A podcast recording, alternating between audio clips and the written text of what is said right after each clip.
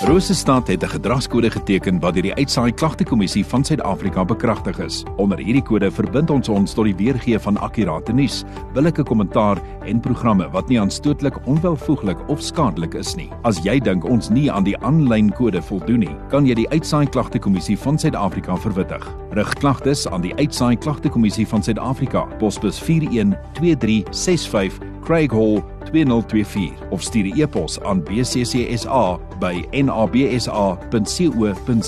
Vir verdere inligting, besoek www.bccsa.co.za.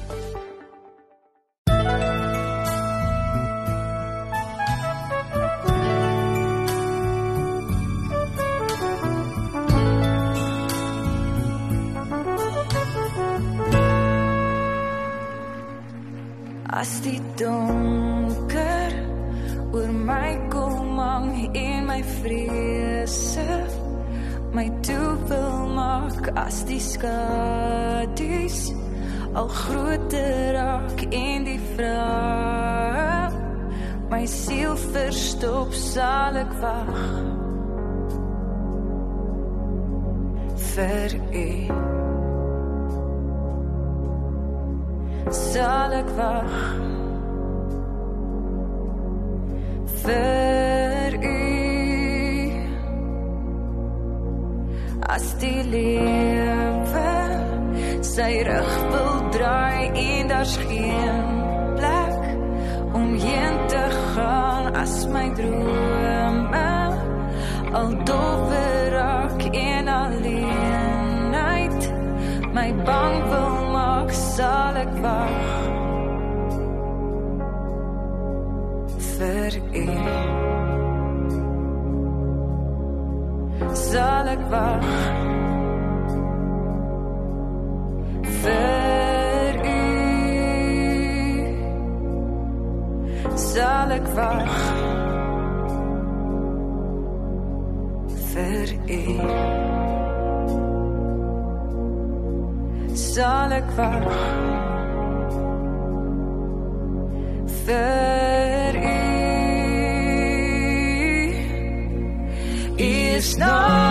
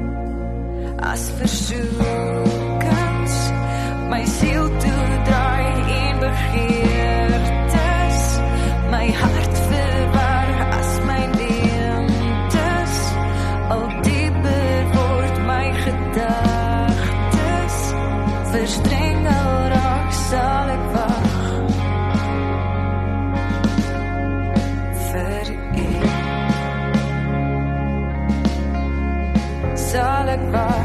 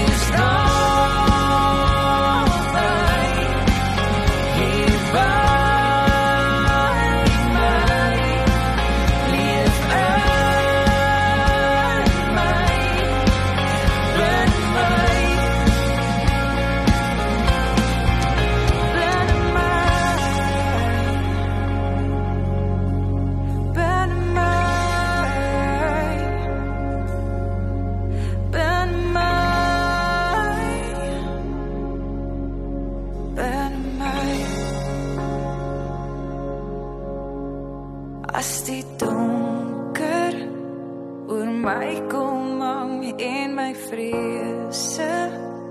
My toevul maak sal ek wag vir u. Sal ek wag vir u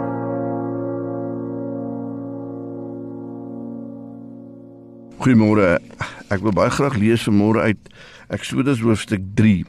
Ek gaan dan van lees die eerste tot en met die 6ste vers en dan gaan ek net weer waar die Here vir Moses gestuur het om te gaan daar in vers 11 tot en met vers 12 toe. Maar kom ons bid net eers saam. Baie dankie Here God vir nog 'n nuwe dag.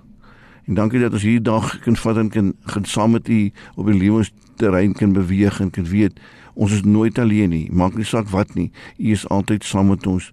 Asseblief Here Jesus maak ons asseblief bewus van die teenwoordigheid in ons lewe. Amen.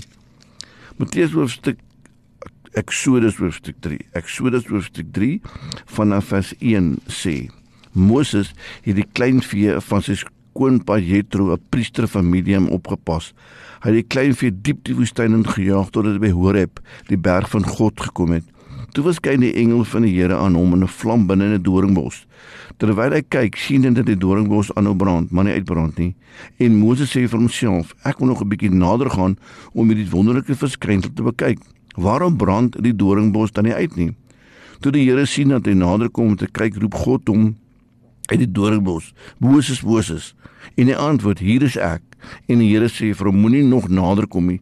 Trek uit jou skoene, want die plek waar jy staan is gewyde grond. Verder sê hy: Ek is die God van jou voorvaders, die God van Abraham, die God van die God van Isak, die God van Jakob. Toe maak Moses sy gesig toe, want hy was bang om na God te kyk. Ek lees vers 11. Toe sê Moses vir God: Wie is ek dat ek dat by die Vader so by die Farao so waag en dat ek die Israeliete uit Egipte sou bevry. God het vir Moses geantwoord: Ek sal by jou wees en die bewys dat ek jou gestuur het, sal dit wees wanneer jy die volk uit Egipte bevry, sal julle my by hierdie berg aanbid. Ek lees tot sover. Die Here seën sy woord. Die belangrikste woordjie wat 'n mens as 'n mens na ons Vader gebed kyk, is ook seker die kortste, nie? Dis 'n woordjie so kort dat 'n mens maklik verby dit kan lees. Maar sonder hierdie woordjie kan 'n mens sê maar daar's eintlik niks dan in die gebed, want kyk, haal jy die woordjie uit, dan dan wonder jy wat gaan verder gebeur want die woordjie is die woordjie is. Onse Vader wat in die hemel is. Wat wil hierdie is in hierdie gebed vir ons sê?